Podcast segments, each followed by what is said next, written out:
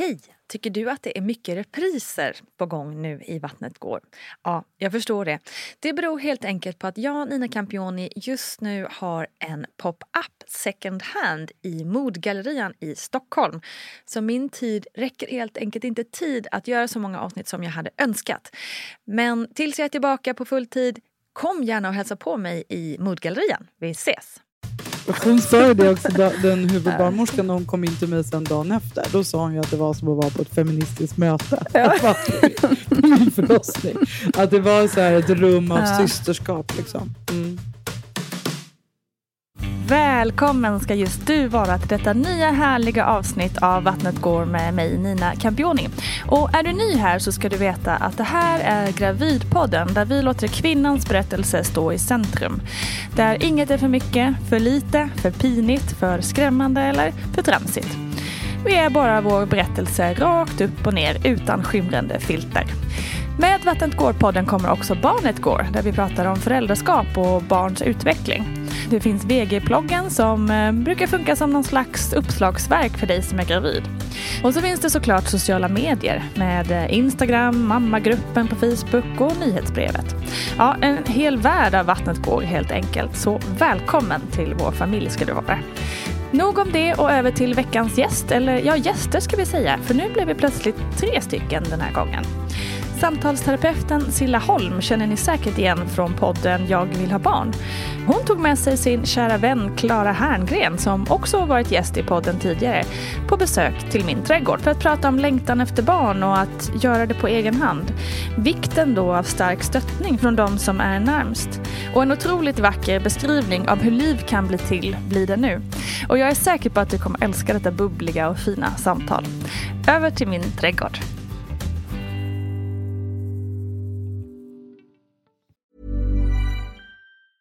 When you're ready to pop the question, the last thing you want to do is second guess the ring. At Bluenile.com you can design a one-of-a-kind ring with the ease and convenience of shopping online.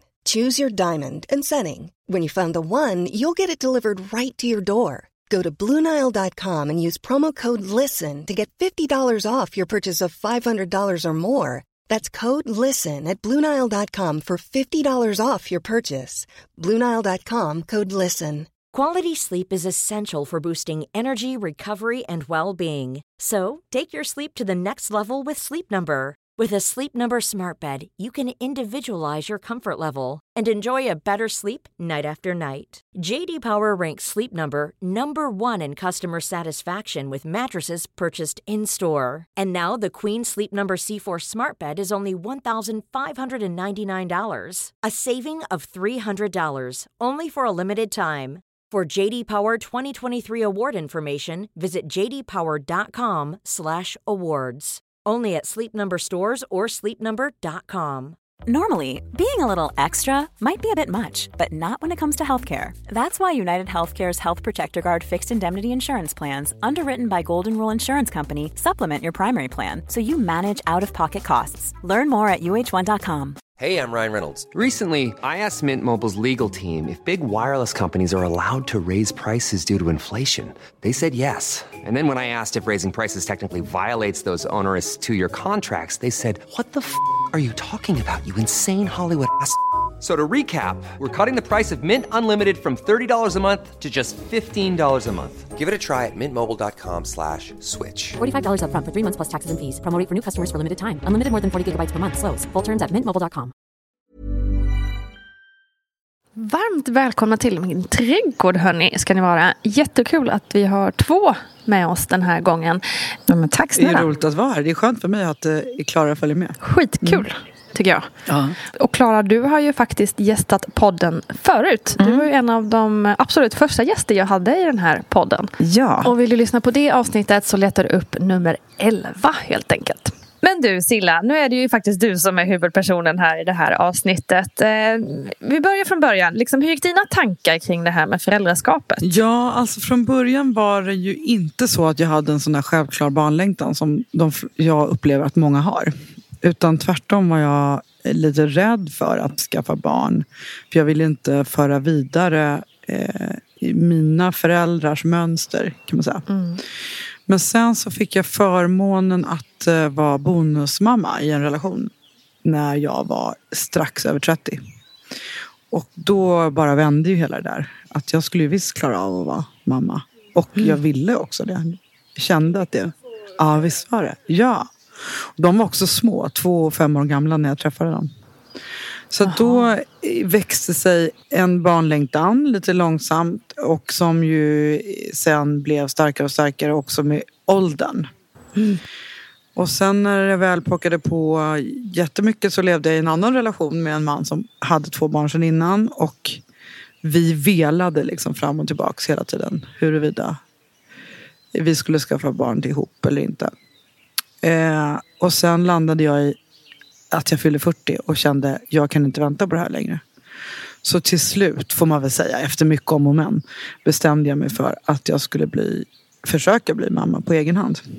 Och då trodde jag ju att det var det som var det kluriga. Att bestämma mig för det. Och sen bara gjorde man det. Trodde jag. Det här var innan det var lagligt i Sverige.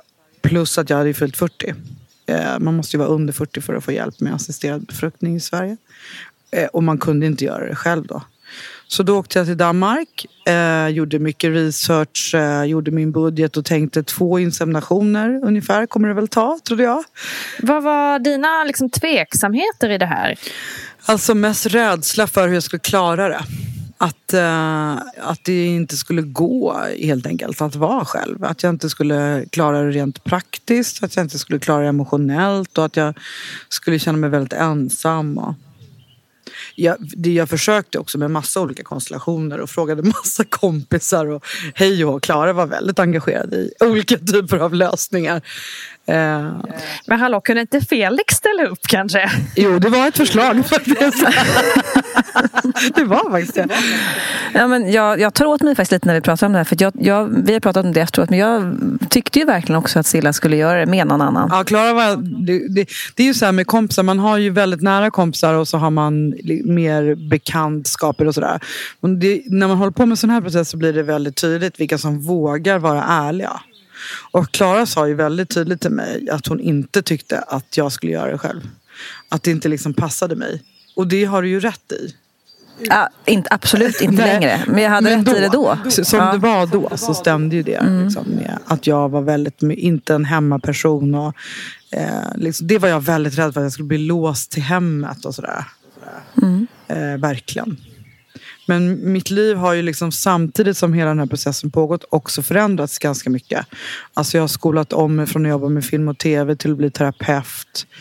Och med det medför att man blir lite mer osocial och eh, har mer behov av återhämtning och vara hemma och sådär. Så att det, och vad som födde vad, oklart. Men just nu passar det ju mig jätte, jätte, jättebra att vara själv. Vi människor funkar ju så fint också att vi, de beslut vi fattar liksom, landar vi ju i förr eller senare.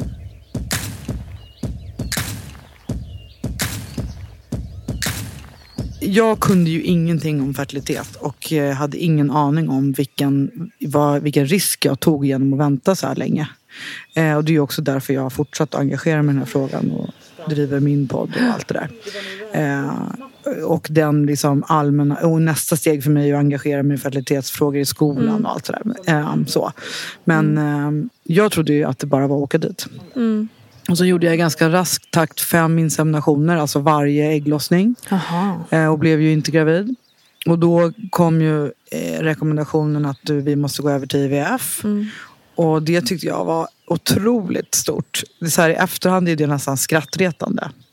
Eh, med tanke på vad som hände sen. Men ja. eh, det, jag kände mig väldigt misslyckad och att det var väldigt... Eh, alltså jag var ju ganska peppad och så ändå, får man ju lov att säga. Men, men, ehm, ja, men det var liksom... Varför måste jag göra det här som ingen annan måste göra? Liksom. Och då gjorde jag som jag har lärt mig i livet att det är bra att göra. Ta pauser. Så jag tog ett långt sommarlov. Mm hängde med Klara och hennes barn och försökte njuta av livet. Och sen när hösten kom så tog ju den där barnlängtan över. Och då var det inte så svårt att fatta det där beslutet om att gå över på IVF. Så gjorde jag i väldigt rask takt fem IVFer eh, på åtta månader. Så här i efterhand känns det typ jag förstår inte hur det gick till riktigt. Ja, men jag tänker på det där. Liksom, hur, hur sjutton klarar kroppen så pass många liksom, ingrepp? Alltså så här i efterhand så klarar ju inte kroppen det. Eh, de de liksom sviter, eller vad man ska säga, jag har med min kropp har ju snarare med den perioden att göra än graviditeten. Men, ehm, men ehm, eh, de är ju företag som vill tjäna pengar. Så det pratas inte om det. Vad kostar det att göra en IVF, eh, en, en, ja, IVF i Alltså Danmark? då kostade det väl eh, typ 35 danska. Men sen så kan man ju köpa så här, tre paket. Så jag köpte först en IVF och sen ett tre paket och sen en IVF till.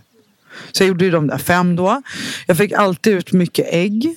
Men det var alltid få som blev befruktade. Så det, var, det blev alltid en eller två som då sattes in på dag två. Som jag ju nu vet är, är mer eller mindre inte så lyckat liksom redan från början.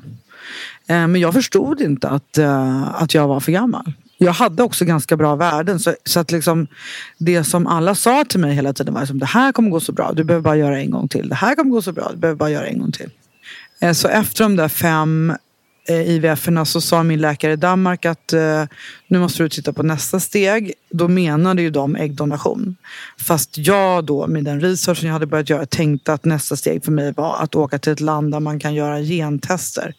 PGS hette det då, PGTA heter det nu. Det är alltså att man gentestar embryona innan man sätter in dem. För att se om det finns eh, kromosomavvikelser.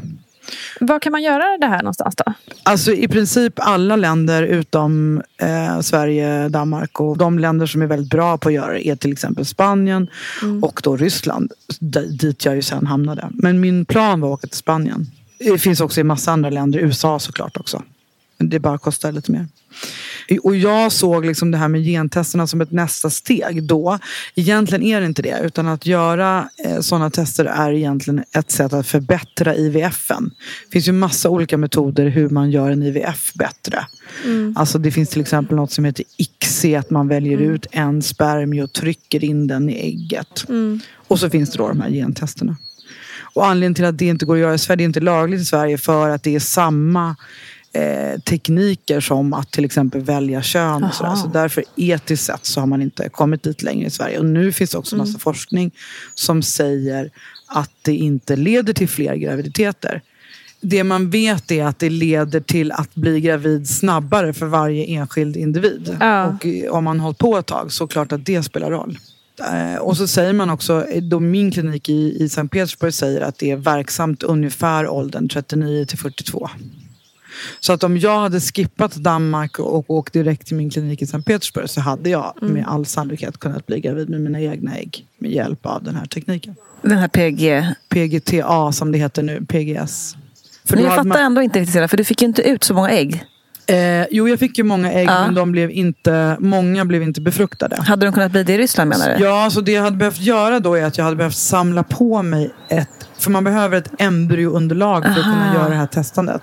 Så då hade jag behövt göra kanske ändå de där fem eh, IVF-erna. Och stimulerat då lite bättre än vad man gör i Danmark. Och sen fryst ner dem. Och testat de embryona som ändå blev bra.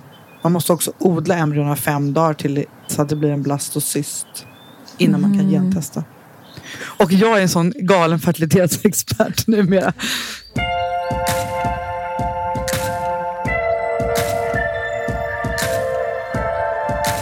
Men det som var då var att min läkare i Danmark sa ju då att, att eh, dags att ta nästa steg. Och min läkare, och då rekommenderade de kliniken i Sankt Petersburg. För det här var innan det var eh, tillåtet med dubbeldonation i Danmark. Och sen så eh, sa min gynekolog här hemma i Stockholm samma sak. Jag tycker du ska kolla upp den här kliniken i Sankt Petersburg. För mig kändes det ju liksom, alltså Ryssland var, eh, så mycket fördomar hade jag om det. Eh, och det har väl ganska många. Eh, men jag gick i alla fall efter mycket om och men på ett seminarium som den här kliniken hade. Och då lärde jag mig mer på den en och en halv timmen eh, som då doktor Olga Saitev, som hon heter, hade. Än vad jag hade gjort på det ett och ett halvt året, lite drygt jag hade varit i Danmark. Så jag fick liksom ett förtroende för henne ändå. Men för mig att liksom välja bort mina egna ägg och välja en annan kvinnas ägg, det var helt otänkbart. Så att jag gjorde det som jag har varit så bra på, det vill säga jag tog en ny paus. Så det här var ju liksom sommaren efter. Tog jag nytt sommarlov. Ja. Eh, Klara och jag diskuterade många olika alternativa lösningar. Men sen eh, när jag kom tillbaks efter sommaren och så var jag då på ett nytt seminarium. I september 2017 är det här då. Eh, och då var det som att alla bitar bara ramlade på plats. Jag hade också gjort ett ganska ordentligt sorgarbete under den sommaren. Och liksom öppnat dörren till så här, hur kommer mitt liv se ut om, jag, om det inte blir några barn. Ja. Vad kommer jag göra då? Och, så här. och då blir ju det först på något sätt avgrundsdjup sorg. Eh, men sen blir det ändå så här, fast jag måste ju ta ansvar för det livet också. Och jag måste ta ansvar för att det ska bli ett gott och roligt liv. Så jag landade i så här superklassiskt att jag skulle jobba utomlands och jobba volontärt och resa mycket och de där grejerna. Och så hade jag en lång diskussion med mig själv om jag skulle fortsätta engagera mig i de barnen som jag hade nära mig eller inte. Och, så, och landade i att, Eller om jag skulle bli så här crazy cat lady utan någon kontakt med några barn alls. Men landade i, jag liksom, ju, har ju varit väldigt engagerad i Klaras barn och alla andra kompisars barn och mina syskonbarn. Och så här. Eh, Och då blev åka till Sankt Petersburg lite mer som en bonus och inte som ett nödvändigt ont som det var innan. Så att då hamnade jag ändå i ett läge att jag vågade ta det där beslutet.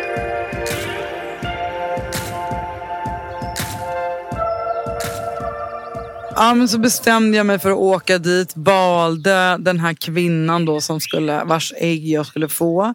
Och mannen vars spermier jag skulle få. Men hur och, väljer man det egentligen? Ja, det är ju galet. När, hela processen med att välja spermadonator var ju redan från början i Danmark. Och då, då blev det så här för mig att jag eh, Först tänkte jag ju att man vill veta så mycket som det bara går. För Ja. man tänker ju eller som vi diskuterade var så här, om jag skulle gå ut och, för alla säger så här, varför går du inte bara ut på krogen och tar någon? Skulle man göra det, vilket jag aldrig skulle göra, men skulle man göra det så skulle man ju tänka jättemycket på vem det var. Man skulle inte ta vem som helst.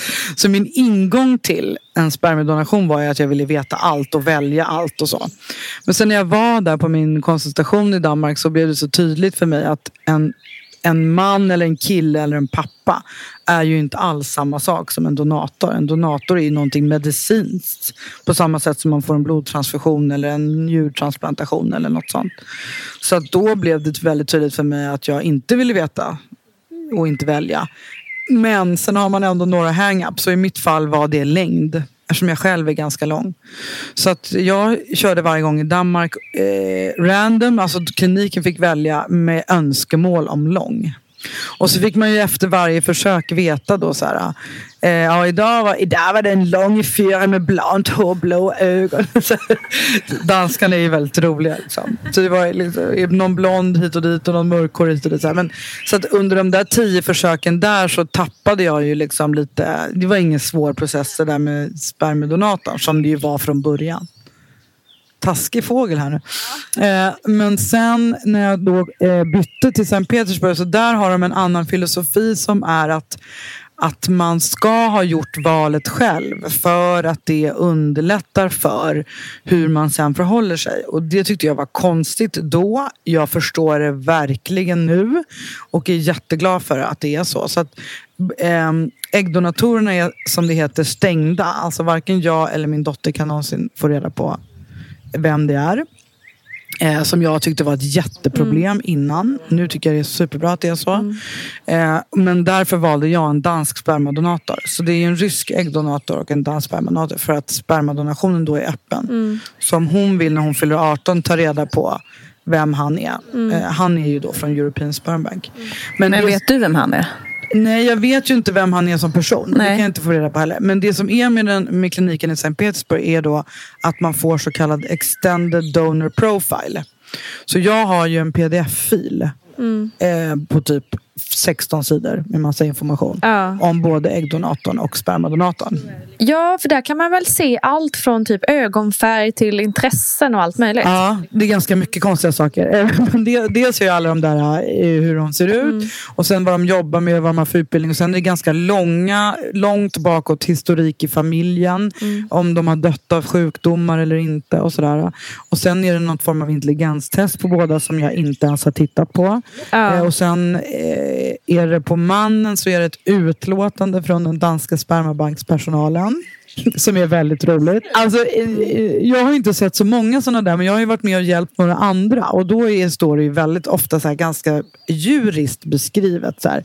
Pelle är glad när han kommer in, han har normalt avstånd mellan öronen och näsan är lite stor, jättekonstigt. Eh, men jag valde då efter att jag ville att hon skulle vara så lik mig som möjligt. Alltså utseendemässigt och längd och allt det där. Mm. Ögonfärg, hårfärg och så. Och sen försökte jag välja honom efter person. Så mm. i hans profil har jag nästan bara gått på den där eh, beskrivningen. Som säger att han är en happy-go-lucky person och alltid sprider glädje. Och så. Mm. Det är tydligen så jag ser på mig själv. Ja, Men, och sen är det också, har de själva skrivit brev varför de har gjort det och så.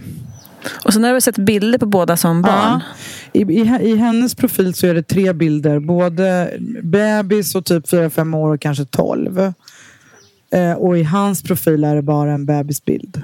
Men och det är också så här, jag tänker det är inte mina donatorer, det är min dotters donatorer. Och det är därför kliniken har den här eh, inställningen. Att, för att de ska få veta. Och det, och det görs ganska mycket forskning i Sverige det finns ju än så länge inte så många vuxna donatorbarn. Men de som finns forskas det ganska mycket på. Och då säger nästan alla eh, att det är så att man, man vill ha information och gärna en bild. Men man vill inte träffas och ha en relation. Eh, sen tror ju jag att det där kommer förändras när de här donatorbarnen blir äldre. Det är en sak när man är 20 och en annan sak när man är 40. Och jag tror också en annan sak när man får egna barn. Och det finns lite forskning på det också som inte är liksom offentlig ännu för det finns för lite. Eh, men min syn på det är ju att man som förälder till donatorbarn har ett större ansvar.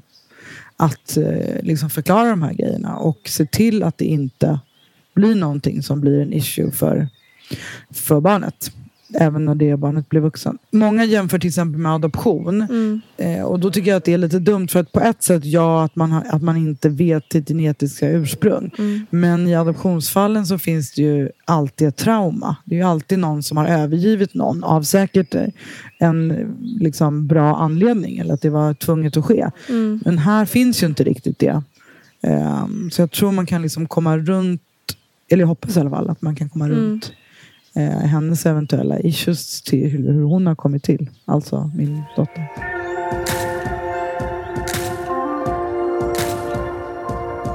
Okej, men du är i Ryssland och ska alltså göra det här? Ja, herregud. En annan kompis till mig var med. Som, hon och jag inledde våra resor samtidigt i Danmark. Mm. Och jag fick då hela tiden höra att det såg så bra ut för mig. Och hon fick höra att det såg lite tufft ut för henne. Så hon gick all in eh, från början och blev då mamma.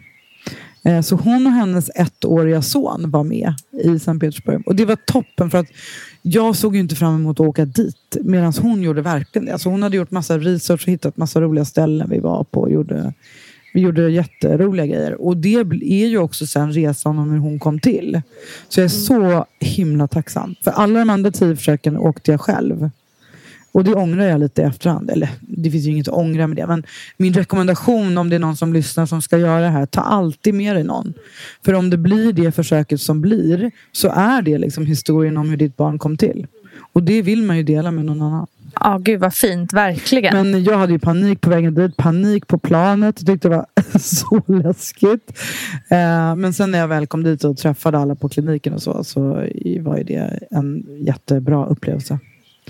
Och sen från den sekunden som jag satte in det där embryot, det var, gick ju på första försöket, så har jag hela tiden känt mig gravid och trygg. Mm. Och så var det ju inte på försöken i Danmark. Satte de bara in ett? Ja. Var det en diskussion om de skulle sätta nej, in? Nej, de satte nej. bara in ett. Ja. Varje gång när jag gjorde försöken i Danmark, då var det så här, idag är det 17% chans, mm. idag är det 19% chans. Och, så där. och när jag låg där i den rosa gynstolen som det är på kliniken i Sankt Petersburg, så eh, sa de, idag är det 75% chans att det blir. Det är ganska stor skillnad. Otroligt. Mm. Jag måste också fråga om ekonomin. För det här mm. måste ju ändå ha kostat en hel del pengar. Ja, Alltså konstigt nog, jag gjorde ju den där första budgeten. Då, den eh, landade på 50 000 och då hade jag ju tagit i från tårna tänkte jag. Och så hade jag någonstans i bakhuvudet en ganska påläst kompis som hade sagt så här, under 100 kommer du nog inte undan. Och jag tänkte hon var galen. Eh, och min resa fram till graviditet slutade på 450 ungefär. Åh oh, jävlar. Eh, och jag har haft turen att jag har ändå liksom jobbat på och sparat pengar och hade väl någon plan om att eh, eh, köpa något landställe. Liksom. Det är väl det jag har sparat pengar till.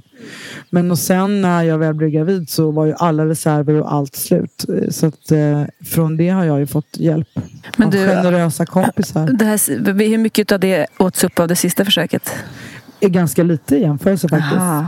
Alltså den stora summan är ju Danmark. Och sen beror det också på hur man räknar för man skulle eventuellt också kunna räkna med liksom inkomstbortfall och liksom all, hur mycket alla resor har tagit. Så, så egentligen är ju nog min eh, resa mycket dyrare än så. Men, men eh, det där är alla mediciner och alla behandlingar och alla. Ja, det är inte billigt alltså. Nej. All right, men du blir gravid. Ja, jag blir gravid där då. Det var ju helt fantastiskt. Och sen var Underbart. också, i och med behandlingen i Ryssland och i och med att man gör en äggdonation så är det en ganska tung Mm. medicinering eh, fram till vecka 12. Man tar eh, sprutor på sig själv och sådär. som- Och man är ganska trött. Det är väl de flesta Mm. i en tidig graviditet. Men man är också helt hormonpumpad. Liksom. Mm. Eh, så att det var, och jag hade också bestämt mig för, för det var också en grej som jag kände med Danmark, att det var väldigt otydligt med restriktioner och sådär. Kan man träna eller inte? Och Ja. Jag testade ju olika saker för varje försök och akupunktur vid något försök och någon viss kost vid något försök och sådär. Det är ju och en av de andra anledningarna till att jag gör podden, att jag försöker liksom lyfta det här eh, ansvaret som alla kvinnor känner Ja. för de här processerna och försöker lära alla att det här handlar om materialet. Äggen och spermierna och liksom, det är en fertilitetsläkare som ska ta det ansvaret. Inte du själv och en massa liksom, påtvingade supertunga grejer. Men så jag hade i alla fall bestämt mig för att i det här försöket skulle jag göra exakt vad kliniken sa. Eh, och min läkare då, Olga hade ju på något sätt redan förutspått min karriär och att jag skulle bli en talesperson och så. Så hon var ju otroligt mån om att jag skötte mig. Så att mer eller mindre är horisontellt läge till vecka 12. Jag fick verkligen inte göra någonting och gjorde inte det heller. Eh, men sen efter det så eh, hade jag ju en otroligt okomplicerad och lätt graviditet.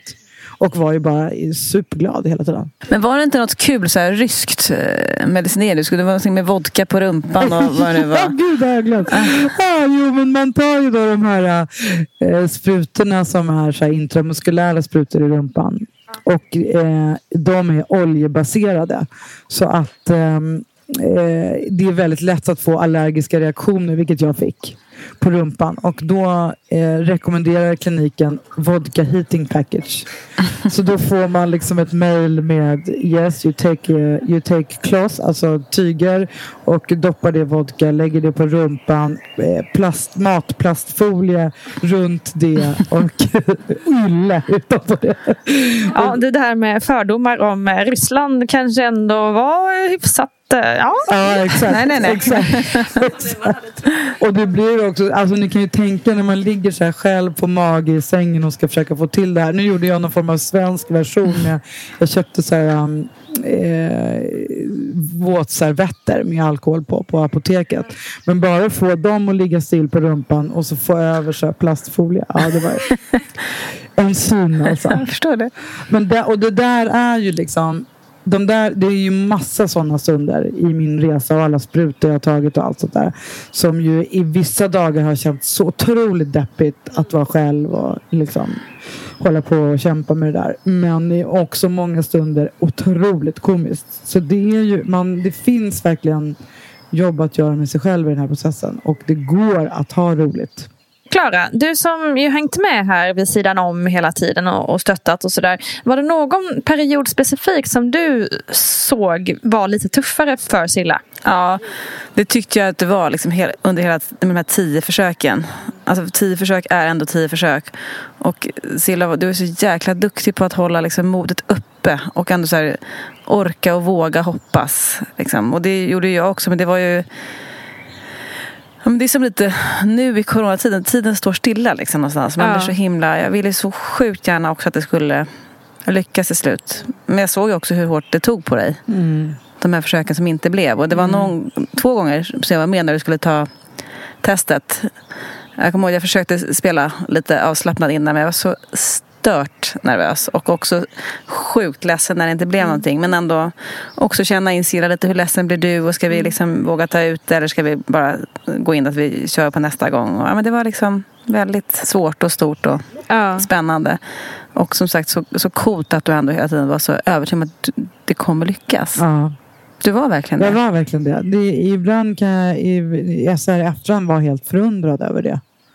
Att jag, liksom, jag, jag bara körde på. Mm. Och det smittade ju också av sig. Jag var också faktiskt helt säker på att det skulle Mm. lyckas.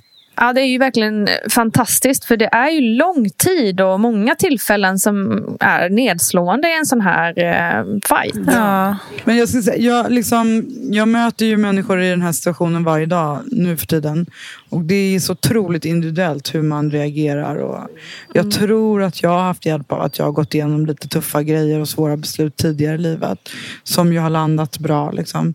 Så jag var, väl, jag var ändå ganska positiv liksom, hela tiden. Verkligen. Eh, och jag, jag gick aldrig in i de här som väldigt många gör och som jag absolut förstår. Alltså det här med att det är svårt att glädjas när andra blir gravida och liksom missundsamheten och svårigheten att gå på liksom barnkalas och alla såna grejer. Ja. Det kände aldrig jag, utan tvärtom snarare så pågick jag väl någon process att jag började ställa om mig och umgicks ju egentligen bara med barnfamiljer. Ja, men det var, precis, det tänkte jag på. För just någon sommar när du hade hållit på där och det inte blev någonting så var hon hälsade på på vårt sommarställe. Och då var jag ensam med, med fyra barn där och tänkte att det kanske är skitjobbigt för Silla att vara här med alla mina barn. Men du, du var ju precis tvärtom. Tvärtom, ja. Du tyckte det var så kul. Ja. Och de blev ju tusen gånger bättre personer av att Silla var med också. Ja, det var verkligen var så här, Klara jätte- ville gärna gå på massage och jag ville Ja. gärna hoppa upp och ner med barnen i poolen. det, var, typ. det var helt perfekt.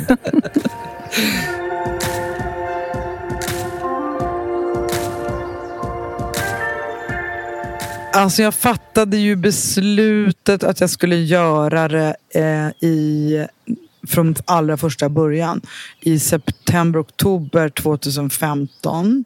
Och jag fick ju reda på att jag var gravid 4 februari 2018. Så ändå ganska kort. Jag håller med när du säger Liksom. så. så.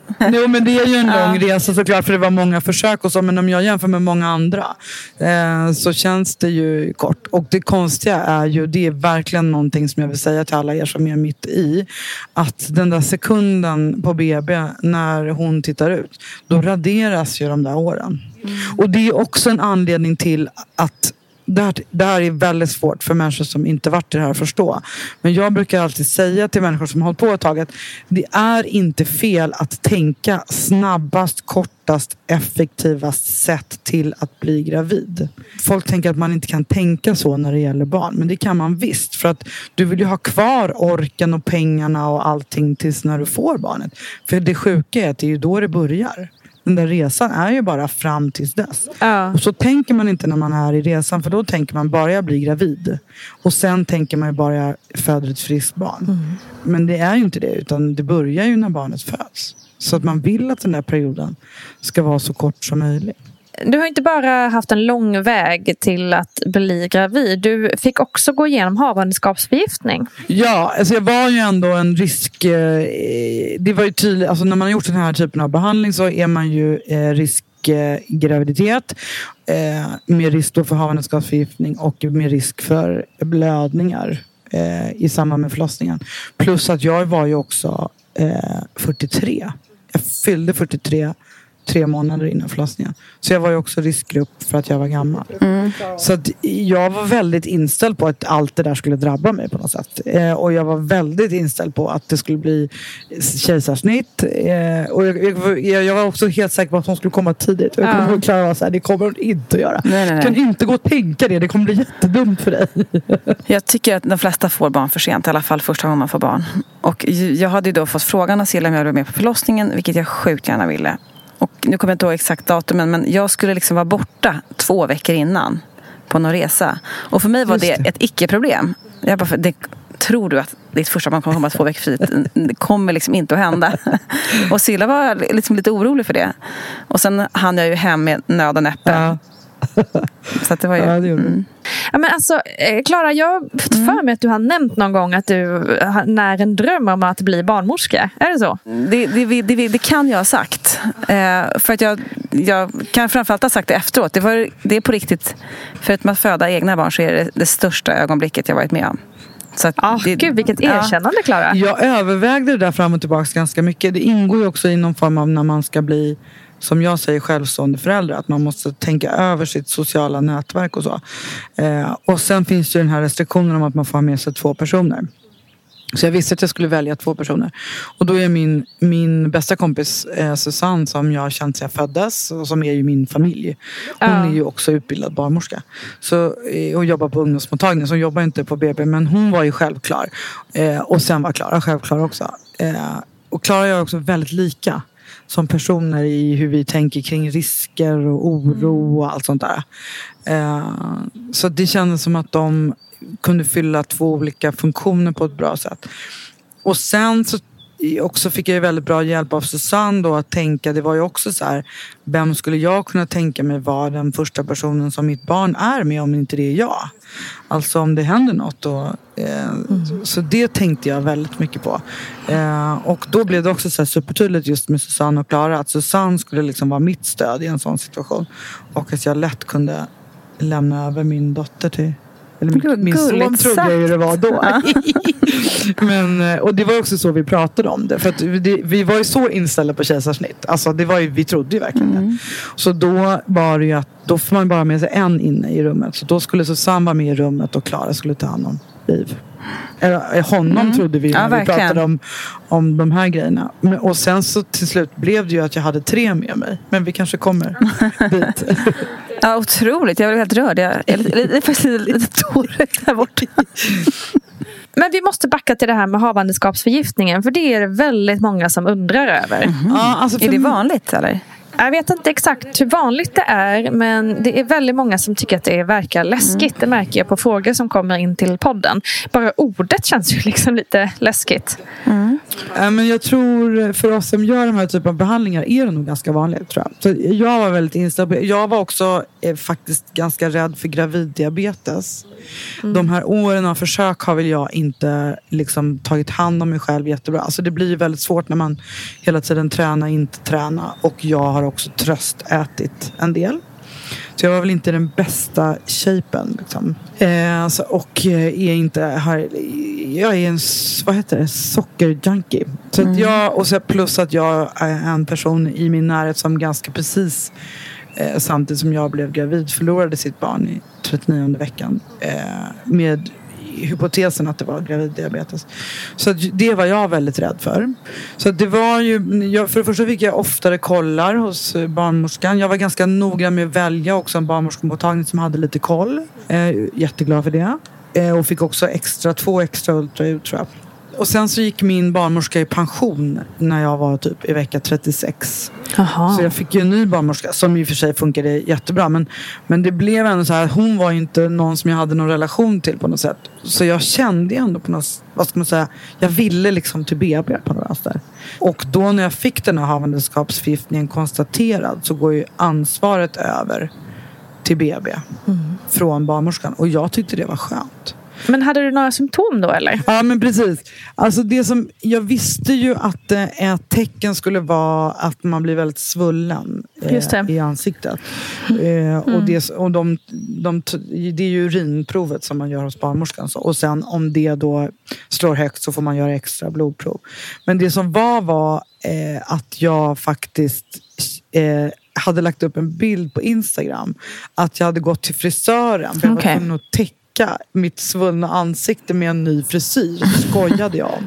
Och då var det två personer som direkt, har du kollat havandeskapsförgiftning? Och då visste jag ju att det var en risk. Så då Okej. ringde jag till min barnmorska och sa, det är kanske dags för en extra koll. Och då var det ju så. Eh, Just det, du hade väldigt svullna ögonlock. jag liksom hela min, Ögonen kinderna, ögonen och läpparna var ju helt galna. Alltså. Så jag såg ju inte klok ut. Du var vacker. Och gulligt. Men det är typ, känns som att det är första gången en selfie räddar ett liv. Typ. Ja, typ. Ja. typ. Men jag var liksom aldrig, jag, tyckte, jag var ju ganska förberedd, så tyckte aldrig det var läskigt. Men det som hände då var ju att jag fick åka. Det här var frisörgrejen var på en torsdag så då fick jag åka in på var jag hos barnmorskan på fredag morgon så fick jag åka direkt till BB på fredagen. Och då kollar de ju både mig och henne. Ja. Och sen fick jag komma tillbaks på måndagen och onsdagen och fredagen och måndagen. Så jag åkte fram och tillbaka till BB. För att hålla koll på dig då. Ja. Liksom. Och Gud, det vad tyckte jag skönt. Väldigt. Och då fick jag ju också träffa en läkare varje gång. Eh, och det var ju olika läkare och alla gick igenom och var supernoggranna och så här. Det var ju lite så här, alla runt omkring var rätt nervösa. Varför plockar de inte ut henne och varför låter de det här pågå och sådär. Varför gjorde de inte det? Ja, men med facit i hand så gjorde de ju helt rätt. Alltså för att de ville låta kroppen hänga med. Och såg att jag mådde bra och hon mådde bra. Jag, jag kan inte känna att jag liksom fick några... Alltså jag mådde ju inte dåligt på något sätt. Utan det var ju bara det där svullenheten. Liksom. Och vilken vecka var du då? Alltså då var jag, fö- då var jag ju vecka eh, 38. Ja, men då var du typ Ja. färdig nästan Ja. i stort sett. Så man kan ju förstå dina omgivningens den här liksom bara, ah, sätt igång liksom. Ja, så det var ju hela tiden det här med att nu kommer de nog säga att det blir ett snitt. Så vi var ju hela tiden, det var ju det vi liksom var inställda på. Eh, och sen så en onsdag morgon gick vattnet.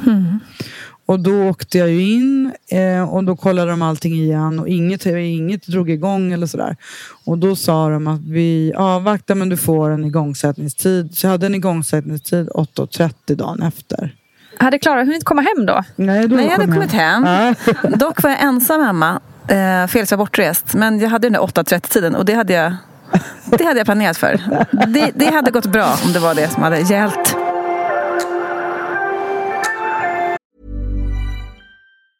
Normally, being a little extra can be a bit much, but when it comes to healthcare, it pays to be extra. And United Healthcare makes it easy with Health Protector Guard fixed indemnity insurance plans. Underwritten by Golden Rule Insurance Company, they supplement your primary plan, helping you manage out of pocket costs without the usual requirements and restrictions like deductibles and enrollment periods. So when it comes to covering your medical bills, you can feel good about being a little extra. Visit uh1.com to find the Health Protector Guard plan for you.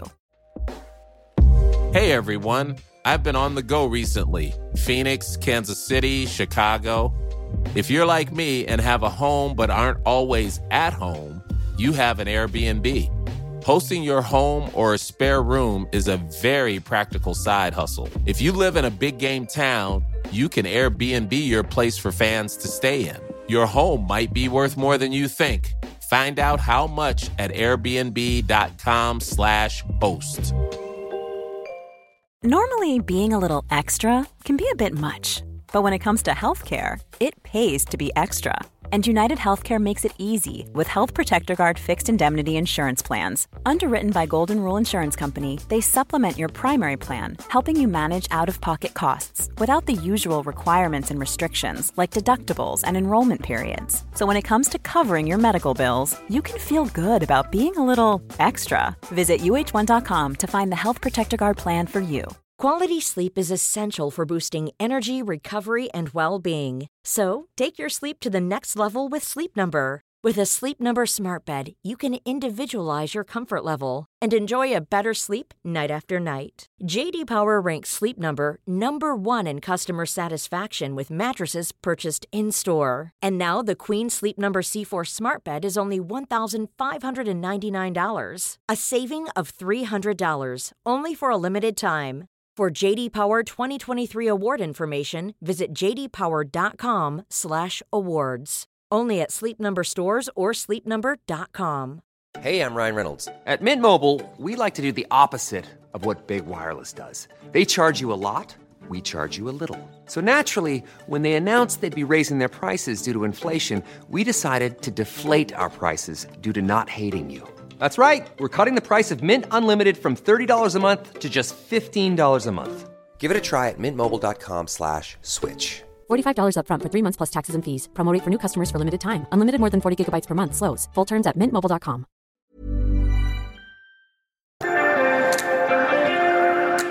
Men eh, du hade ju inte bara en, en, en bra graviditet. Det hände något kul där ja, mitt men jag i. träffade ju en kille också Ja. det här. Det var ju så var inte så planerat. Nej, det var verkligen inte planerat.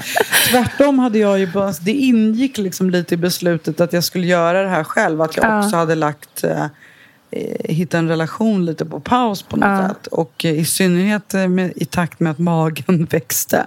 Men jag behöll ändå mitt Tinder för att eh, Annika Leone som jag ju hade i podden med då eh, och jag tyckte, var, vi hade rätt roligt i podden att prata om hur män på Tinder reagerar när man säger att man är gravid. Ja, Och att man har blivit det själv. Ja.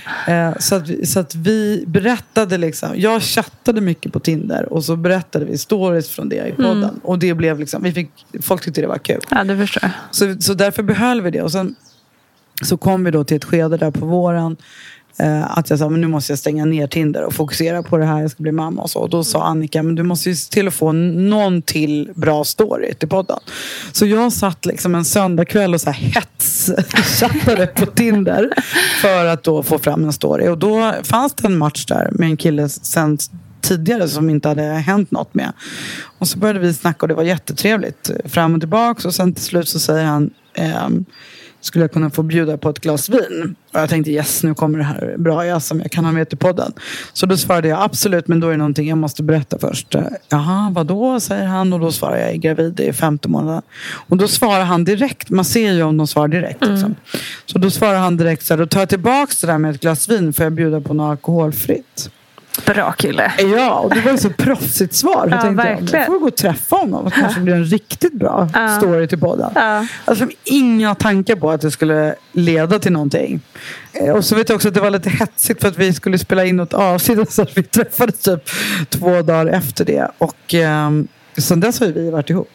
Ja, det var liksom, eh, det var ju väldigt självklart. Ja. Och så här i efterhand, liksom, hur han bara gick in i det med mig med stora magen och sådär. Eh, jag kommer ihåg så tydligt, vi hade någon sån skjortklänning så att jag försökte så dölja. Liksom. Ja. Och då så sa han redan tidigt, så här, det, alltså det syns ju jättetydligt. Så det är liksom ingen idé att du försöker dölja Men det är ju rätt mäktigt för han vad jag förstår har liksom tre lite Ja, äldre barn. exakt. Och kanske var lite done med. Ja, alltså jag man tror om kanske. han får välja så skulle han liksom ha obegränsat antal barn. Ja. Eh, han, pappa är hans liksom, första uppgift. Eh, eh, han är verkligen superengagerad i sina barn och i mitt barn också.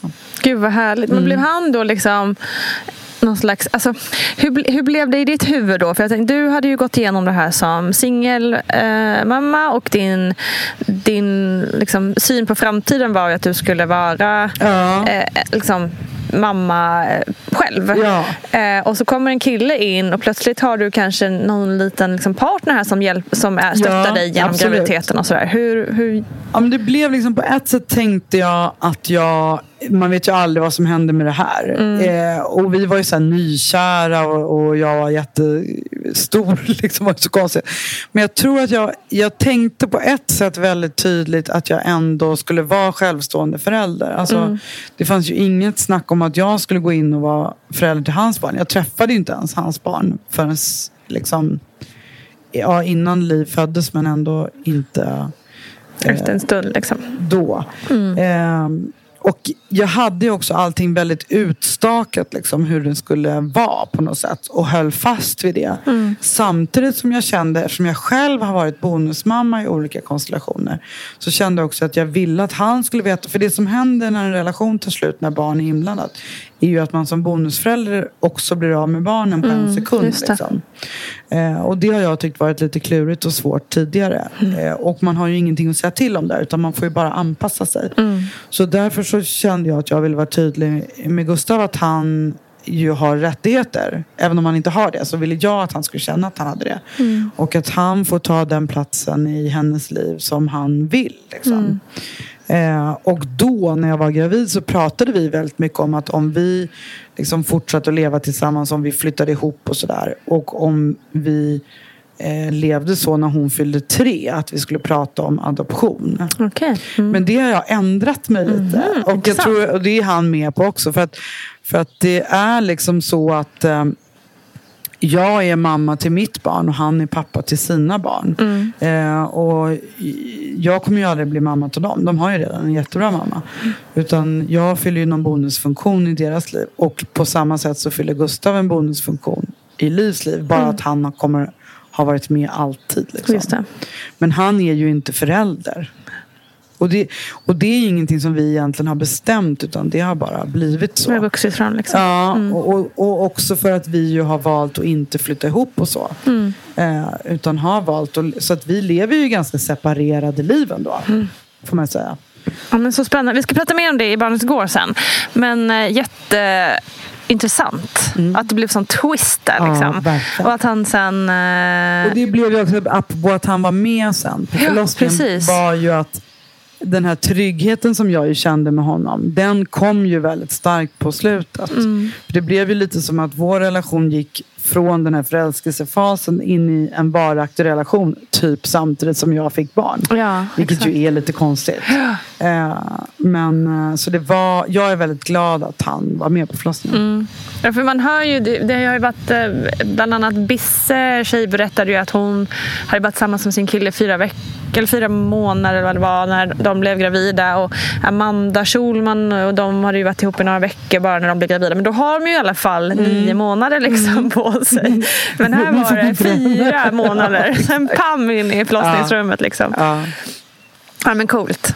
Men och det, jag ska säga, det är tack, mycket för att han är som han är.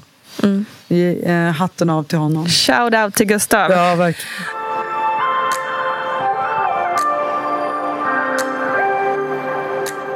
Så att han och jag var hemma hos mig.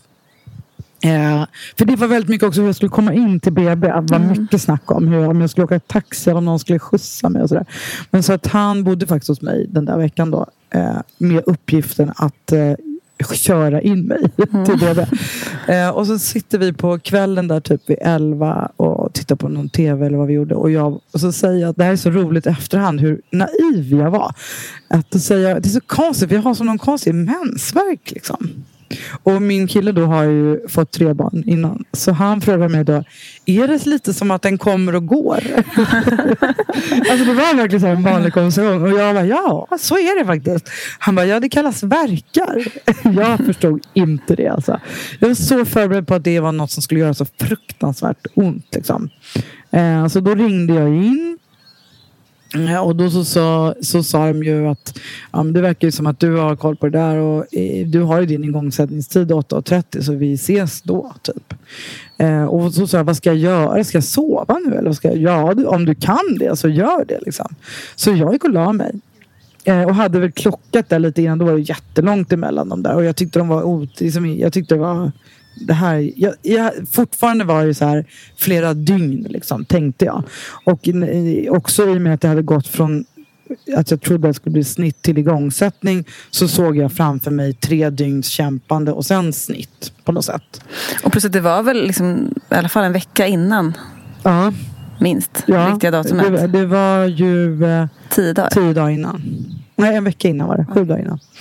Ehm, och sen så vaknar jag då klockan typ fyra eller kvart över fyra någonting.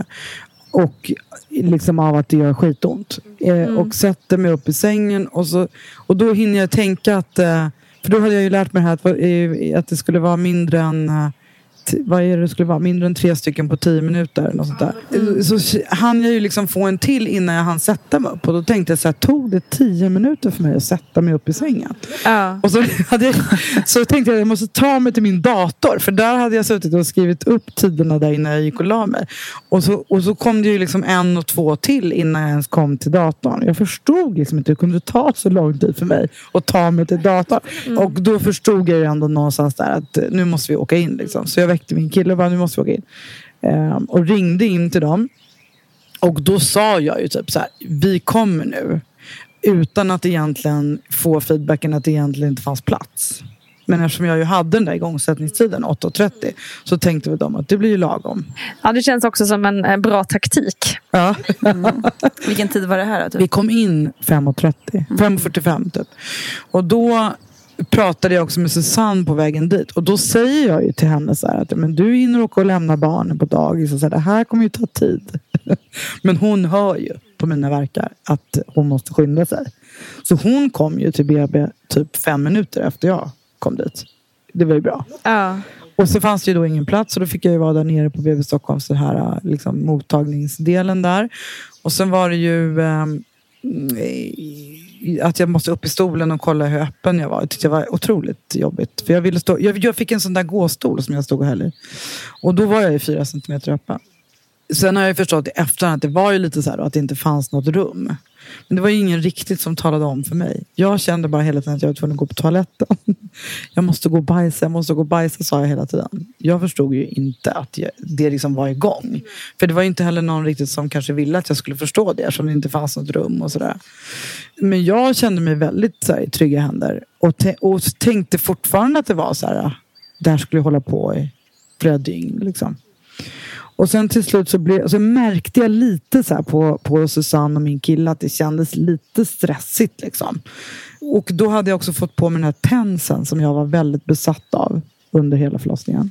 Och sen så eh, fick vi i alla fall då klartecken att det var ett rum och åka hissen upp. Och då kände jag när vi kom ut genom hissen. Då var det ganska många som stod där och väntade. Och då förstod jag liksom att okej. det här kanske liksom håller på att hända nu på något sätt.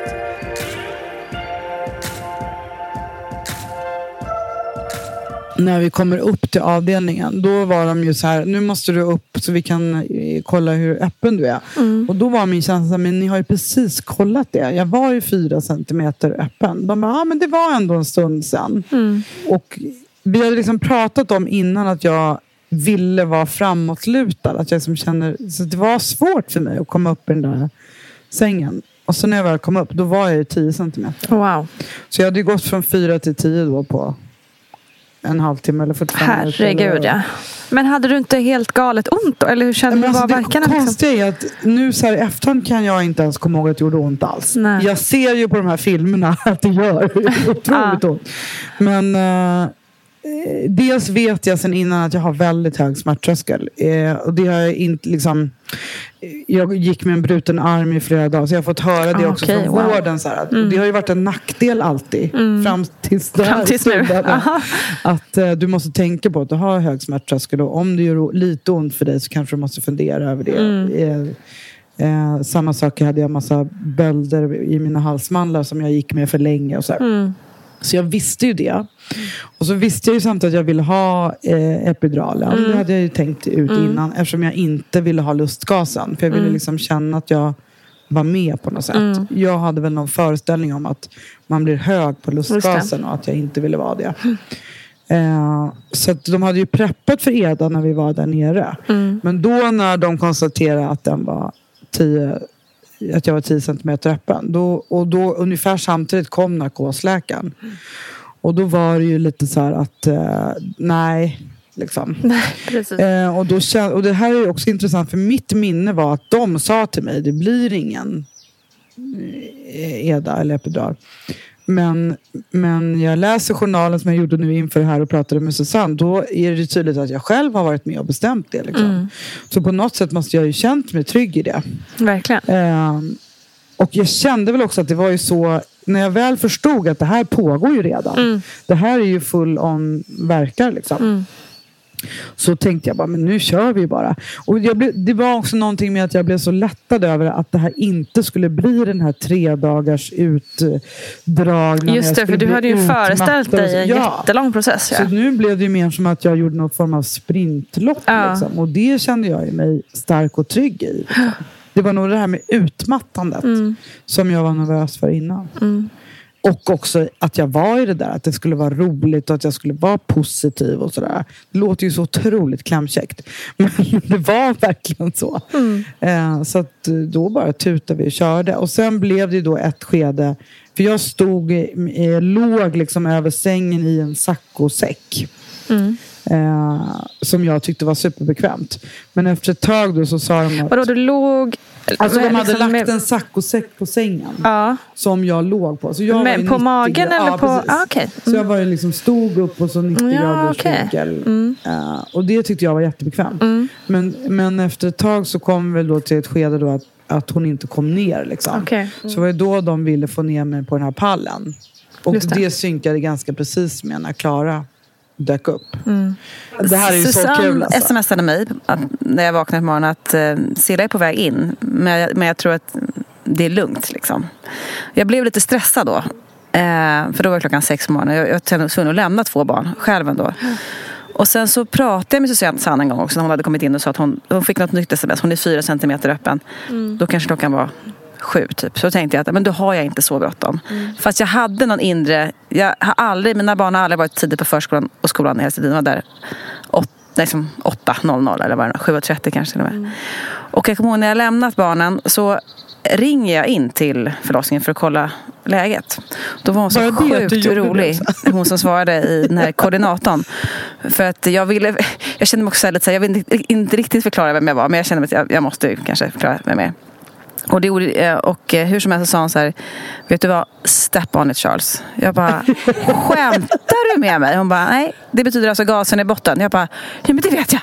Och du vet, och då får jag här hjärnsläpp. Jag kommer inte på var Danderyd ligger fast jag har fött tre barn där. Eh, Jag vet ju ungefär var det ligger. Men jag, jag kör alltså bokstavligen gasen i botten. Som att, och jag tänkte att det spelar ingen alltså, Ja, då får jag bli tagen då om jag blir tagen. För att jag ska vara med. Jag har liksom gått och laddat i flera år. Jag kan inte missa det nu. Och jag vet inte ens om jag vågar säga det här. För det är också så jävla i efterhand pinsamt. Men nej, jag, jag, hitt, jag, kommer inte ihåg, var- jag kommer inte ihåg var förlossningen ligger. Jag vet ju var Danderyds sjukhus ligger. Men det var då jag, det, det, bara, det snurrar i mitt huvud. Så att jag ställer mig liksom på Danderydsparkeringen. Alltså mitt utanför entrén. Huvudentrén, som, som att jag också är den viktigaste människan på hela Danderyds sjukhus där och, och springer in och liksom vrålar. Var är förlossningen? För jag kunde, inte, jag kunde inte läsa på en skylt. Jag var så, och, så, ja, och det har jag, jag var ju egentligen superlångt därifrån så jag var dyngsur av svett när jag väl kom fram. Men då var- tyckte jag att jag var lite duktig för att då kände jag här, jag stannade utanför dörren och verkligen så här, samlade mig. Så jag står djupandas typ fem gånger och går in med ett kolugn och säger hej. Alltså du kom in med sånt, eh, en sån aura av eh, tillfredsställelse. Ja, ja, jag var så och, sjukt lugn nöjd och att jag hann. liksom, ja. Och eh, fick ju ganska snabbt en uppgift där inne också. Och det var att jag fick liksom stå bakom och hålla i Silla. Så det kan man ju se på, på filmen att jag motvilligt liksom Sätter lutar mig bakåt mot den där pallen. Och sen höll jag ju på och tryckte på den där tensan hela tiden. Vilket ju också är jätteroligt i efterhand. Jag hade, liksom, I mina förberedelser så hade jag tänkt att jag skulle lyssna på tusen poddar och läsa alla böcker och sådär. Och hela Föda utan rädsla och så. Eh, men det blev aldrig så. Och jag tror att det är så för att jag kände mig väldigt trygg. Och jag kände mig väldigt trygg med, med Susanne och Klara. Och vi hade gått igenom och då hade vi ändå pratat om det där med att jag var bekväm, mm, liksom framåt eh, lutad. Jag hade någon hänga på att jag ville ha min bh på mig. Så det var ju så tydligt att de hade skrivit in det i min eh, sån där journalen och så. Men så hade jag titt- jag var ju med i massa Facebookgrupper och sådär. Och då hade jag sett en tjej som gjorde ett ganska långt eh, förverksarbete hemma med den där tensen. Okej. Och då hade jag liksom blivit lite besatt av att det här är min grej. Just. Eh, och fick också jobba ganska hårt på att få tag på en sån där. Det var inte så lätt. Och använde mig av podden och så för att få en. Men sen gick det ju så fort så jag hann ju aldrig få på den där. Så den sattes ju på när jag kom in och var då fyra centimeter öppen. Och det är väl egentligen tänkt att den Just är för sent vara- då. ja. Liksom. Så jag sa till den där första barnmorskan där nere på mottagningen, kan du sätta på den här? Hon bara, är du säker på det? Jag bara, ja, den här ska absolut på. Och sen hade jag den till, alltså när jag tar emot henne, då släpper jag tens, eh, Okej, här så de är hela tiden. Ja, och till och med barnmorskan var ju så här. Det blir liksom som en, Ja. ja. men som många känner, så var jag med, med, med lustgasen. Att jag bara så här, jag vet inte om den gör någon skillnad men jag bara behöver hålla i den Ja, och men bara, det är min kontroll. Liksom. Ja, På något precis. sätt kände jag att jag bestämde hur långa verkarna var. Ja. Fast det gjorde jag ju absolut inte. Men hon sa till och med där på slutet när jag satt nere på pallen. Eh, är det okej om vi tar av tensen nu? Och då hade jag bara nej, nej, nej, absolut inte. Så jag satt och tryckte på den där liksom. Eh, men det, det, var, det blev min trygghet och min Mm. hang-up på något sätt. Eh, eh, så jag är väldigt tacksam till den där tjejen som ju la ut den där filmen i Mm. där Facebook. Som jag faktiskt skrev ett meddelande till. Och tackade efteråt. Men så det, det blev ju då bara den. Det Mm. blev ju ingen epidural och ingen lustgas eller någonting. Och det var väl, det kändes ju bra för mig. Liksom. Mm. Men när de ville att du skulle komma ner på pallen där, var det vad var det som gjorde att de ville liksom Ja, börja det var väl att hon inte kom ner. Liksom, Det var det som gjorde att hon... Ja. Ja. Mm. Eh, och sen så sen gick det ju, alltså så fort jag satte mig på pallen så var det ju bara Då några liksom. krystvärkar och så Okej. kom hon ut. Ja. Så hon för, jag hade ju den där igångsättningstiden 8.30 och hon är född 8.38. Nej, du skojar. Nej. Gud vad roligt. Mm. Vilket, apropå det här då att det bevisar att de ju också var, liksom, tänkte rätt med vänta ut och sådär. Precis, verkligen. Mm.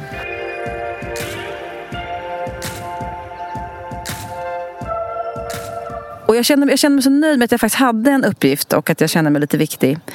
Och så kom jag ju på att jag hade inte frågat Cilla innan. Men jag hade min telefon i bakfickan och kom på att jag hade nog gärna velat ta del av det här efteråt ifall jag hade kunnat. Så att jag tänkte att vill hon inte det så är det bara att jag liksom raderar. Men jag försökte ta så mycket filmer jag bara kunde. Och samtidigt vill jag ju själv vara liksom närvarande. Så jag tittade inte exakt vad jag filmade. Men jag, jag filmade på väldigt mycket. Ja, men det känns också som ett bra tips att ge en uppgift till den eller de som är med i rummet. Fast det konstiga är att jag kommer ihåg känslan i det där rummet. Det var ju att eh, det var liksom alla hade sin uppgift på något sätt. Jag, jag var där och Susanne pratade med dig hela tiden, liksom ganska nära ditt liksom, ansikte. Och så. För det, sen, det kan Cilla berätta själv, sen blev det lite dramatiskt under vissa perioder också. Och även Gustav var med och jag kände mig, jag har aldrig känt mig så närvarande i ett vilken team låter fel, men liksom, ja, vi, vi hade verkligen en uppgift alla där inne. Och det var ju helt fantastiskt. Som jag sa inledningsvis, li, minst lika nästan lika fantastiskt som att föda barn själv. Det var samma känsla, det var det som var så overkligt också. Att det var samma, jag kommer framförallt ihåg det efteråt. För sen, jag försvann några timmar därifrån och så kom jag tillbaka när det var klart. Och då kom jag ihåg när jag gick, jag var tvungen att göra några ärenden inne på fältöversten. Och då gick jag omkring som att jag var frälst. Alltså på riktigt, jag mötte typ fyra personer och, och jag var nästan tvungen att göra någon slags handpåläggning och säga så här, vet du vad jag har varit med om idag? Jag har varit med om att, föda ett barn. Alltså, att, jag, jag, jag, jag var, jag var liksom i ett tillstånd, samma tillstånd som man är när man har fött ett barn. Det drabbade även mig, så det var en otrolig upplevelse. De var så fina där på BB också, för jag blev ju superstressad över att Gustav skulle bli tvungen att gå. För det var ju så naturligt att han var med. Men då visade det sig på BB Stockholm att de inte har den där två personers eh, gränsen. Så att, eh, det var ju väldigt skönt. Och jag hade liksom, det här berättade Susanne när jag pratade med henne inför det här också, att jag hade väldigt noja över det. Vad händer när Klara kommer och ska jag behöva fatta ett beslut om vem som behöver gå och sådär. Men så var det ju absolut Nej. inte. Var, alla var ju väldigt inkluderade och så, även sen när vi fick den där fina brickan och ostmackorna så fick alla fyra det och så där. Det var väldigt Ah. De var sjukt gulliga och bekräftande de där barnmorskorna. De var så här, Vilken, vilken kraft det finns här inne. Vad duktiga ni är allihopa. Hon sa ju det också, den huvudbarnmorskan, när hon kom in till mig sen dagen efter. Då sa hon ju att det var som att vara på ett feministiskt möte. på min förlossning. Att det var så här ett rum av systerskap. Liksom. Mm.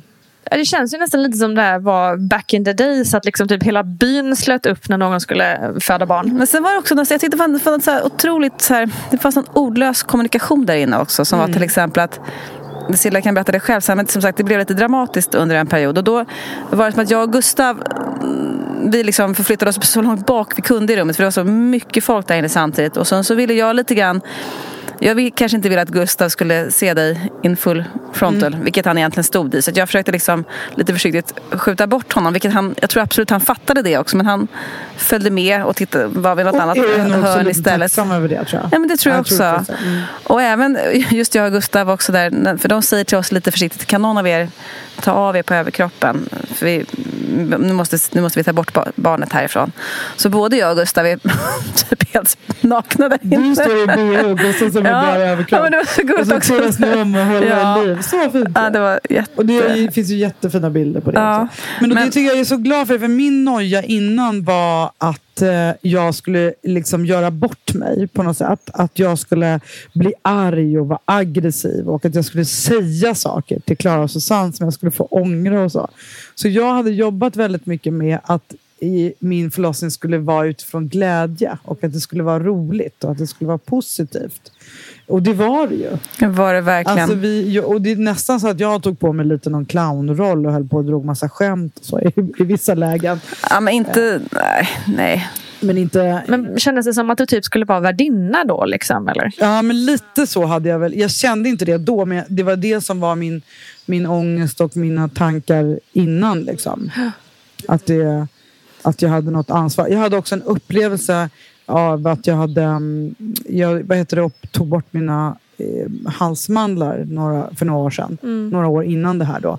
Och jag hade, liksom, var ju helt hög och sa massa pinsamma saker när jag var hög. Och så, här. så, så jag ville inte liksom göra om det.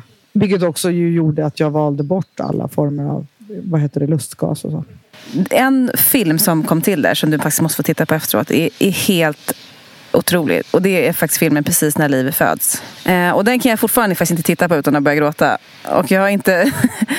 De som har sett den, alla, man blir ju, den, är, den är helt otrolig för att det är liksom det är Sillas första möte med Liv som man också har liksom naturligtvis då längtat så gränslöst efter och det är, det är så tydligt i den här lilla filmsnutten så att den är, ja, det är helt otroligt faktiskt. Ja, men just den filmen har väl väldigt många sett har jag förstått. Den filmen har väldigt många sett. Det är ju då en hel eh, kavalkad av filmer och bilder. Så det är konstigt nog att vi inte hade pratat om det innan. Jag är Mm. så otroligt tacksam för att Klara bara tog ett eget beslut och gjorde det. Vi hade ju pratat om innan att jag ville ha bilder liksom när det var färdigt. Ja. Att vi inte fick glömma att ta dem. Så kanske att jag hade gett någon signal om att jag tyckte det var viktigt. Jag vet inte. Men då sitter vi hemma hos mig, alltså vad, vad kan det vara, två, tre dagar efter förlossningen. Det. Och så ska jag då få över de här bilderna från Klaras telefon till mig. Och på något vänster så lyckas jag liksom dela dem i något album på Klaras telefon. Som är då ett semesteralbum som hon delar med typ 15 andra. Ja, ja, minst fem, jag tror 24 andra personer var det. Och då får vi plötsligt ett sms från någon i den här gruppen som skriver Vem är det som föder? Starkt, starkt. Och liksom du den paniken och innan vi lyckas radera Tack och lov var det jag som hade startat där så jag kunde ju radera bilderna men det tog en bra stund innan tack och dess. lov att det var jag som hade gjort det. Ja, det, annars hade du Eh, nog så slaktat att, mig. eh, Det hade varit jobbigt Ah, för dig. Ah, gud, och vi, och det, vi hade, Liv låg där några dagar gammal och jag tror två eller tre av dina barn var med. Ja, ja, ja. Det var Och, som eh, kaos. Vi fick ju panik alltså. Det var helt galet. Ja, Nu kan man ju skratta lite. ja. Men, eh, men, nej. Men, men den där filmen som Klara står... Jag födde ju på en förlossningspall till slut. Och Klara står... Jag lutar mig mot Klara. Alltså hon står mot en vägg och jag lutar mig mot henne. Så hon har ju filmat uppifrån liksom. Mitt första möte med Liv. Du måste titta på den sen faktiskt. gud så spännande att få se.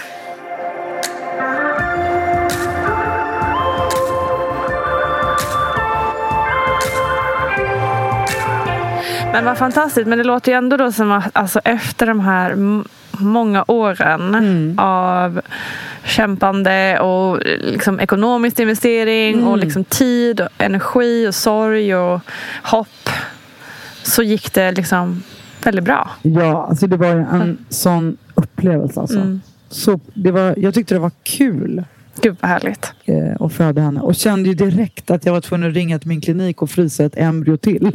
För jag absolut ville göra om det. det. Det har jag ändrat mig. Jag tror inte att det kommer bli, eller det kommer inte att bli ett syskon. Men, men jag var, helt, jag var så hög där precis efter den. Och sen blev det ju dramatiskt efteråt. Okej. Ehm, för att jag fick inte ut moderkakan. Aha. Eh, och så då var det någon som fick komma in och trycka. Då tog jag ju lustgas och så fick de trycka ut den. Och då blev det ju då en sån här blödning som jag ju också var riskgrupp för. Så jag tappade nästan, en, nästan två liter blod, 1,9 liter. Och det var väldigt dramatiskt liksom. Och då var det så skönt för jag upplevde aldrig det. Nej. Utan då kom Susanne fram till mitt huvud och så sa hon så här. Nu, kom, nu går ett larm här och det kommer komma typ tio personer. Det kommer verka lite läskigt. Eh, men det kommer det inte vara för jag kommer vara här med dig. Och så bara pratade hon med mig. Gud vilket proffs. Ja, så bra. Så jag märkte. Och det var ju då mm, eh, Gustav och Klara fick klä av sig och ta hand om Liv och sådär. Men för mig blev inte det så dramatiskt som det var. Men det som hände sen var ju så konstigt då att de ju beställde tre, tre påsar blod. Mm. Och då fick jag någon så här, trots alla andra människors olika gener och allt jag har gått igenom, Mm. så var, vill jag inte ha den där blodtransfusionen. Okej. Så konstigt Mm. faktiskt. Eh, och ifrågasatte det och sådär på något jättekonstigt sätt. Så det slutade med att jag fick eh, järn intravenöst sen. Okej. Eh, Och det har räckt liksom? ja. Ja. Jag var ju lite sådär svimmig liksom första Mm, dagarna. Men, men ehm, i- det var ju också samtidigt som den här uh, otroligt fascinerande hormongrejen som kickar in efter Mm. förlossningen. När man bara är helt oövervinnlig. Mm. Eller man. Jag var det i Mm. alla fall. Eh, Och det känner jag igen. Verkligen. Verkligen en, liksom, det var en kick liksom allt det där. Mm. Men det var ju lustigt att jag helt plötsligt fick någon Ja, precis. Utifrån något allt olika, olika grejer du har i din ja, kropp. Liksom. Men det var på något sätt som att nu hade jag ändå något eget val här. Så Ja. nu, nu säger jag stopp. Jättekonstigt. Och så här i efterhand, jag fick ju hålla på med de där järntabletterna. och Så, här, så det var ju lite dumt. Jag skulle ju bara ha tagit det. Mm. Men eh, ja, jag vet att det blev någon efterspel. Liksom, att Ja, men precis. mm. Men du, hur var det då att liksom träffa Liv för första gången? Nej men det var ju bara helt, helt fantastiskt. Man, jag hade ju, och det vet jag från alla som jag hjälper nu också, att man har ju en massa konstiga fantasier eh, som jag tror blir förstärkta av att man inte vet sina gener. Mm. Eller generna. Eh, Så man tänker ju tankar kring att det ska komma ut ett monster och sådär. Jag vet inte om man kanske också tänker så om det är ens e- Alltså det är ju genetiskt lotteri oavsett. Mm. Även om det är ens egna gener. Men det förstärks väl lite av ovissheten. Liksom.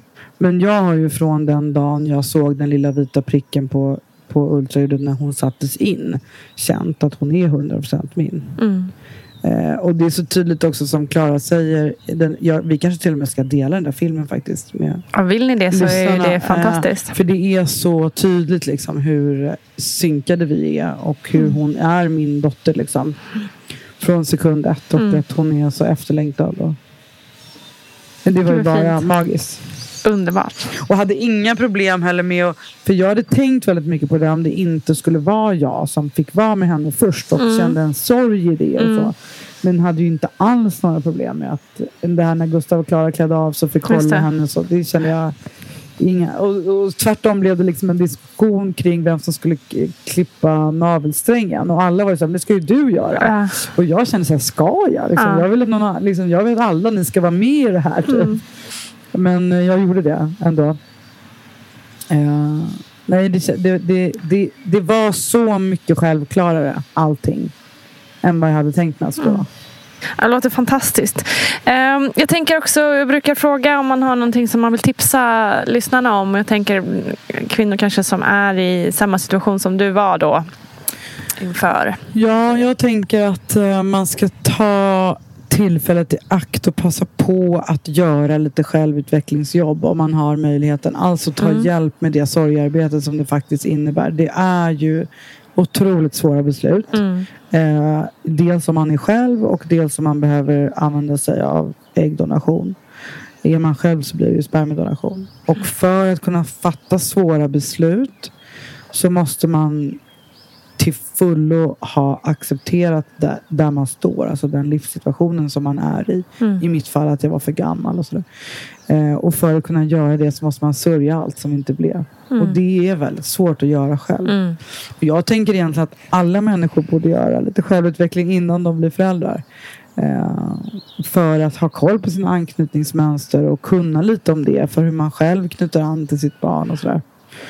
Det funkar väl inte, liksom, det är inget måste för alla men jag tycker det är en, man är i ett, i ett sårbart läge Mm. eh, som jag tycker som terapeut att man kan dra nytta av.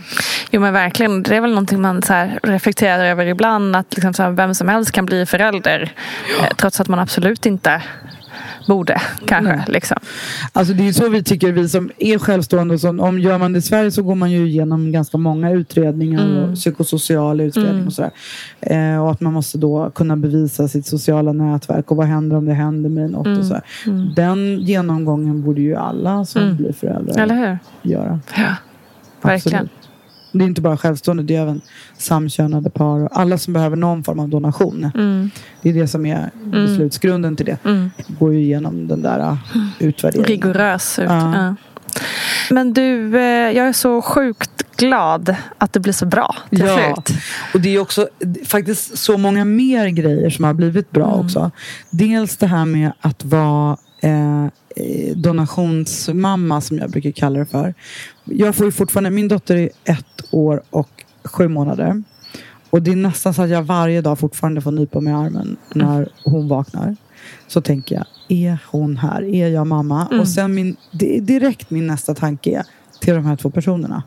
Som har liksom tagit sig tid och kvinnan som har gått igenom ett äggplock och mannen som skulle, an, som skulle kunna vara liksom min son och som Mm. antagligen dricker massa öl och du vet, man kan ju ha massa fantasier om det. Eh, som har gett av sin tid för att Mm. jag ska få det här.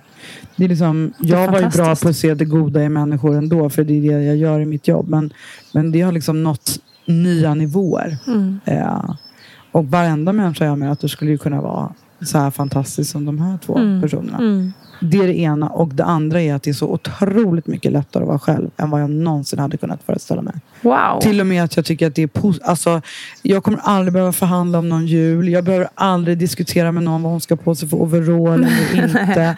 Jag fattar alla beslut själv. Mm. Eh, det finns ju liksom också allt det här jag var rädd för att man skulle vara äldre mamma. Det finns ju massa fördelar med det. Mm. Så ja, allting blev till slut väldigt, väldigt bra. Underbart. Mm. Och det här med att vara själv eh, morsa. Det Mm. kommer vi prata ännu mer om i Barnet går som kommer snart.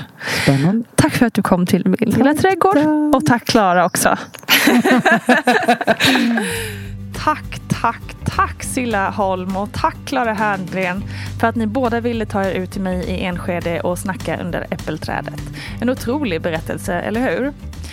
På torsdag kommer ett nytt avsnitt av Barnet går och då ska vi prata om hur man ska prata med sina barn om rasism och orättvisor med Asabea Britton. Det får ni inte missa. Vi ses då, ta det lugnt tills dess. Kram!